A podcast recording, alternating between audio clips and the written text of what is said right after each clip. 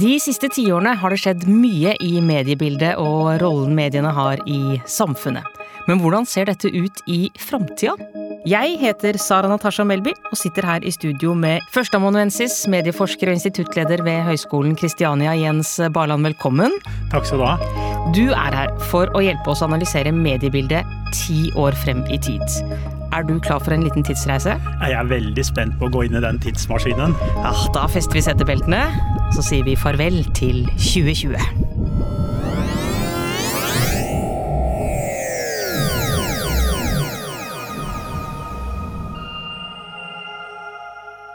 Og vips, så er vi i 2030, Jens.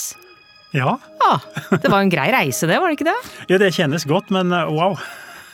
Du, Hvordan har veien frem hit vært? Hvis vi ser på, på utviklingen hva medier gjelder. Ja, Hvis jeg tenker på livet mitt, da. Da jeg var barn på 70-tallet, så husker jeg at TV fikk farger. Før det var det svart-hvitt. Og kom 80-tallet, da fikk vi jo tekst-TV. Kunne klikke oss inn og lese nyheter vi valgte selv på TV. Og så kom 90-tallet, da kom internett. Og nyhetene kom på skjermer vi kunne kommunisere med. Og så ti år etter det, så, så flytta det seg over til mobiltelefon, til med smarttelefon, så vi kunne plutselig få med oss internett i lomma rundt omkring samme hvor vi var. Og ut fra det så vokste også dette med sosiale medier, der vi kunne være sammen på internett gjennom mobiltelefonen vår hele tida. Og her så begynte det å bli sånn at det var ikke bare tastatur og skjerm, men jeg kunne snakke med datamaskina med å si Hei, Siri. Hei, Alexa. Hva er nyhetene? Eller hvordan blir været nå? Og wow, nå er vi i 2030. Ah, det har jo skjedd helt enormt mye på relativt kort tid. Ja. Og nå er vi i 2030, som du sier. Hva er det som definerer media nå? Jeg tror at en viktig utvikling er det at for å si, I gamle dager så var media noen veldig tydelige ting. At liksom det var nyheter i avis, og det var nyheter på radio, og det var på TV. Det var veldig sånn definerte steder. Det, det, det flyter over, det blir overalt. Det sklir inn i hverandre. Det er skjermer som er nær deg, det er eh, lyder som er nær deg. Og alt dette sklir inn i hverandre. Det er liksom sånn eh, alle disse plattformene sånn som vi kjenner med liksom eh, Facebook er kanskje erstatta med noe nytt nå, for Facebook kom jo veldig fort før 2010 og ble plutselig stort men det kommer sikkert nye ting som overtar etter det også. Og, og, og, og, på alle mulige sanser vi kan få inn nyheter, der får vi det inn. Og vi kommuniserer med det på mye mer enn et tastatur. Oi, så Det betyr at jeg syns vi kan hoppe litt til, til, teknologien med en gang, da, Jens, når du sier det. For altså, betyr det at vi kommer til å konsumere nyheter f.eks. på en helt annen type måte, også rent sånn fysisk? Ja, altså det, det, viser jo forskning på medieutvikling. Den viser at teknologiutvikling, det er kanskje driver nummer én på hvordan mediene utvikler seg. Sånn at det som er teknisk mulig, det blir tatt i bruk. Og hvis det er et marked til det, da blir det tatt veldig mye bruk. Da vokser det. Og det betyr at hvis vi, hvis vi f.eks. Jeg tar gjerne disse teknologitingene og ser på det med litt forskjellige blikk. Da. Og hvis jeg snakker om dette med, med plattformer, så handler det om at det som var på papir, ikke sant? det som var på skjerm, det som var der, og så kom det på Google og søkemotorer, og så fløt litt over, og så ble det på lyder, og så blir det litt sånn at du kan få det inn overalt, og så smelter alt dette i hverandre. Men tror du for eksempel, altså du, du har på deg briller nå, jeg har et par ja. briller i veska mi, altså kan det hende at nå i 2030, når jeg tar på meg brillene mine, ja. så er det rett og slett en slags skjerm? Det er helt riktig, fordi da jeg sa at jeg har litt forskjellig sånn teknologiblikk, og da tar jeg det teknologiblikket som jeg kaller for gjenstander. Ikke sant? Da kan det være at jeg får briller som gjør at jeg ser en liten skjerm på de brillene som ikke de rundt meg ser. Og den kan f.eks. gi meg all den informasjonen jeg har lyst til å google når jeg går i sted, for å finne her og der. Hvor er de gode tilbudene? Hvor er det beste Black Friday-tilbudet akkurat når jeg går rundt der? Ikke sant? Hvor mange stjerner fikk den restauranten da, før jeg går inn der? ikke sant? Eller hvis jeg treffer deg, da, så hm, Det var noe kjent på ansiktet, jeg husker ikke navnet. Var, så kan den bare scrolle sist vi hadde kontakt på sosiale medier. Å ja, det var hun, ja! Ja, Sara heter hun, ja. Ja, men så husker jeg navn og kan tiltale deg. Og jeg imponerer deg med alt jeg husker, da. Hvis jeg bare får litt hjelp fra den. Men en, en variant av dette med sånne gjenstander, det er ting vi allerede har sett i gamle dager i 2020. da. En, en, en reklameapp som f.eks. Ikea har utviklet.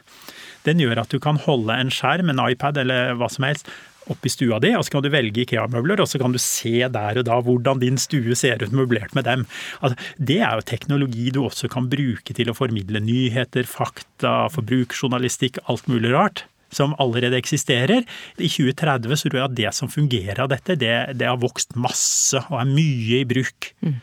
Men du har jo allerede nevnt eh, Jens Siri og Alexa, og det er jo mm. veldig mye av det vi mennesker har gjort før, som flyttes over til maskiner.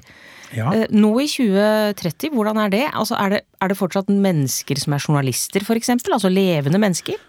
Ja, som jeg nevnte disse forskjellige eh, teknologiperspektivene. Da. Bare for å ta de. Det første jeg snakka om var plattformer. Det andre var litt om sånne um, gjenstander sånn og utvida og kunstig virkelighet og sånt som du får på skjermene. Og det du tar opp nå, liksom hvem gjør hva, det vil hete et tredje perspektiv, som jeg kanskje vil kalle programvare. Programmering. Fordi at det i i, i, gamle dager så var programmering veldig omfattende, og det var dyrt. Og det kom liksom en, en ny versjon av tekstbehandlingsprogrammet ditt som het Word eller Word Perfect i gamle dager. Det kom et, en ny versjon en gang i året. Og så løper dette, og så blir det raskere og fortere og billigere og mer dynamisk. Og plutselig dette er kontinuerlige oppdateringer hele tida. Du kan hente masse gratis programvare på nettet, bare koble sammen og bygge og utvikle ting. Og det gjør plutselig at ting som var stort og komplisert å bygge, det blir nå mye billigere og enklere å bygge. Og det betyr at du kan gjøre så mye mer med programvaren, med journalistikken og i og for seg med alt annet digitalt innhold òg, enn det du kunne gjøre før. Det ene er jo datahøsting, ikke sant? så vi vet om ting, enten om folk eller ting eller, eller hva som helst. Så kan du bruke det til å personalisere innhold, sånn at du får det stoffet som vi tror du er interessert i å lese, basert på den leserhistorikk, eller på leserhistorikken til dine venner som ligner på deg. Men det kan også brukes til f.eks. når det gjelder det å få programvare til å lage journalistikk. Det begynte allerede på eh, noen år før 2020 så begynte til og med norske medier. Og det, de, det stoffområdet man var først ut med, er fotball. Mm. Fordi at hvis du setter en robot til å skulle skrive en sak, så vil jo alle tenke at ja, men alle saker er helt forskjellige. Så du kan ikke la en robot skrive en sak. Men så finner du noen ting, det er faktisk litt likt. Og en av de tingene, det er da fotball. Fordi at alle hendelser som kan beskrives som skjer i en fotballkamp, det, det, liksom, det, det kan beskrives som sånn standardiserte hendelser. Var, det var, et innkast fra da han startet kamp. Det var kamp nummer 17. Det var hans fjerde mål i sesongen. Og da kan du lage et bibliotek på noen tusen setninger. Og så kan du bare høste fra det biblioteket og sette fram en sak, og så bare flette det sammen med sånn navnebiblioteker og sette inn riktig minutt. Og så går dette inn i et stort dataprogram som beskriver som tekst denne fotballkampen, og kobler en tabell og ferdig med det. Det er bare å se på denne eh, live-dekningen som disse vanlige har, og så gjør de om til en sånn automatskrevet det. Og det er blitt brukt i disse korte referatene som gjør at du får fotball med en gang, mens den litt større analysen bak, det må et menneske tenke og skrive. Og det medfører to ting. For det første at når man først har utvikla det, blir det mye billigere å lage det. Så kan man spare masse penger og heller bruke de penga til journalister som gjør noe annet, eller gjør bakgrunnsstoffet. Og det andre, du kan dekke veldig mange flere fotballkamper, og plutselig kan du skrive referater for langt ned i divisjonen som ikke du kunne før. Men du sier jo heldigvis nå at journalistene fortsatt skal brukes nå ja. i 2030. Ja, ja, ja, men da kan du bruke de til mye mer smart arbeid som krever mye mer analyse og tankevirksomhet og skal forklare og reflektere enn bare disse faktaformidlingene. Mm. Og når vi da snakker om at vi jo kommer til å konsumere uh, nyheter og underholdning i stor grad digitalt nå uh, i 2030, så ja. nevner du jo også en viktig ting, nemlig dette med datahøsting. Ja. Hvordan skal personvern ivaretas i denne verden? Forbrukerne får større makt over sine data. Det tror jeg. Men det, er politisk, det må politikerne gjennomføre, for det skjer ikke av seg sjøl. Eh, eh, men på en annen side så tror jeg også disse teknologiselskapene vil vise at de kan gjøre mer og mer og mer og utvikle veldig mange funksjoner og innhold og, og tjenester med, med, alt det de kan tilby av denne dataanalysen. Men, men det, er, det, er, noen andre ting òg på dette programmeringsområdet vi skal ha med oss som gir oss kvantesprang. Ok. Ja, Tenk språket. Ikke sant? Hvis du sånn, eh, holdt på å si, fram til 2020 skulle ha masse innhold på nettet, så må du liksom jobbe deg på engelsk. Mm. Og så er vi Google Translate, og det, det var en gang litt sånn underholdning å skrive inn et sangvers og så oversette språk, og skal gjette hvilket, og oversette tilbake, skal du gjette hvilken det var, for det var veldig dårlig. Men Google Translate det har sånn kunstig intelligens i seg, så det betyr at jo mer det brukes til å oversette flere og flere tekster, så blir det bare smartere og bedre og bedre og bedre. Og så, som jeg sa, alle disse tingene smelter sammen, så tekst og lyd smelter sammen sammen. Og det betyr jo at etter hvert så får du en teknologi der du får en sånn eh, Det er ikke nødvendigvis Google Translate, altså, men den type teknologi, også på det lydmessige. Det er akkurat som du kan ha på deg et høreapparat. Så snakker du norsk til meg, og så hører jeg fransk, for jeg har stilt inn på det. Så kan jeg snakke fransk tilbake, og så hører du meg på norsk. Plutselig så, så blir teknologien sånn at i hvert fall alle store språk flyter om hverandre, og så kan det gå sømløst mellom. Og da utvider universet seg med tilbud av eh, medieinnhold. Men også de største og sterkeste språkene og kulturene kanskje også blir enda mer dominerende. Fordi de, eh, de liksom da Da blir ikke de språkbarrierene til stede lenger for de som er små, da. Når det åpnes opp mer, sånn som vi snakker om nå, eh, så er det jo et par ting vi må snakke om som vi kanskje kan være litt bekymra for. Mm. Vi så jo masse eksempler på det på, på slutten av 2010-tallet og, og, inn i, i 2020. Hvordan kanskje spesielt en del mektige mennesker, mm. eller i hvert fall noen mektige mm. mennesker, eh, brukte sosiale medier til å, til å spre falske nyheter. Ja. Eh, hvordan ser det ut nå i dag, i 2030? Altså Medier og sosiale medier og digitalisering, det er liksom sånn som for steinaldermennesket det var å få en kniv. Ikke sant? Da man gikk over i jernalderen og bronsealderen og lagde seg redskap. Det beste hjelpemiddelet som du også kunne både redde livet med og drepe med. Og, det blir litt sånn med disse digitale tingene. altså Det er verktøy som kan brukes til velsignelse, og det kan brukes til eh, forferdelse. Ehm, og det er jo det du ser med, med falske nyheter. Eh, det det det utnyttet var du kan si i gamle dager, når det å publisere var litt sånn tungvint og vanskelig. Så du, du, måtte liksom ha en avis eller ha en kringkaster eller ha et litt sånn stort maskineri og masse ressurser for å kunne få det til. Og det betyr at du, du Det ble en litt sånn eh, kvalitetssikring i seg sjøl. Måtte, måtte være litt sånn stort, ordentlig og seriøst for i hele tatt å kunne operere og publisere noe til mange. I hvert fall innenfor et demokrati så ble det sånn. Innenfor et diktatur så tok diktaturet regi om det, sånn at de sånn silte det. Så sånn sett misbrukte jo de den muligheten. Men, men det er nå så. Men med digitaliseringen så kom jo muligheten at alle disse tersklene ble borte. Hvem som helst kunne jo publisere hva som helst. Mm. Ganske billig. Det er muligheten. Og ved neste utvikling så kom dette med sosiale medier, som også ga deg et verktøy som gjorde at også hvem som helst kunne nå en målgruppe.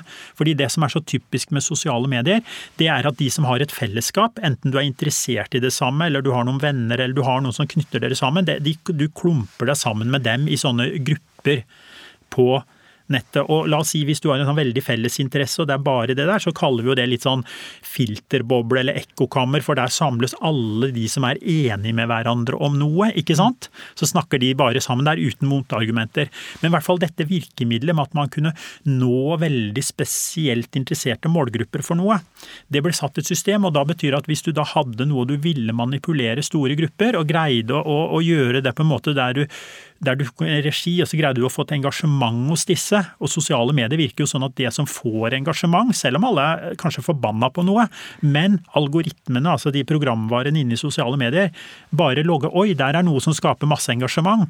Og de har en forretningsmodell, altså det er et ord som betyr hvordan tjener den tjenesten penger, for å si det enkelt den har en logikk i seg, da, den programvaren, at det som skaper engasjement, det skaper oppmerksomhet. Da får de andre til å bli engasjert, og da får de liksom klikk og views da, til å putte reklame på, som de tjener penger på. Så da tar rett og slett programvaren og sprer det som skaper mye engasjement. Og da ser du at når du får som programvare, som på en måte ikke skiller eh, godt og dårlig, skiller ikke kvalitet, skiller ikke sant og usant som fra hverandre. Det bare fremmer det som veldig mange engasjerer seg i. Mm. Så er det som skreddersydd for de som vil spre usann informasjon, eller bare spre informasjon. Og av en eller annen grunn så er det ofte sånn at det, er det som er uh, usant, ofte er litt mer oppsiktsvekkende enn det som er sant. Ja. Så da blir det en sånn innebygd logikk som gjør at uh, At det som er eh, usant eller konspirativt eller sånn, faktisk sprer seg mer. Kjære venner, tida flyr når man lærer nye ting, og dette har virkelig vært eh, lærerikt, Jens. Men nå er klokka så mye at vi må komme oss tilbake til 2020. Spenn sikkerhetsbeltene.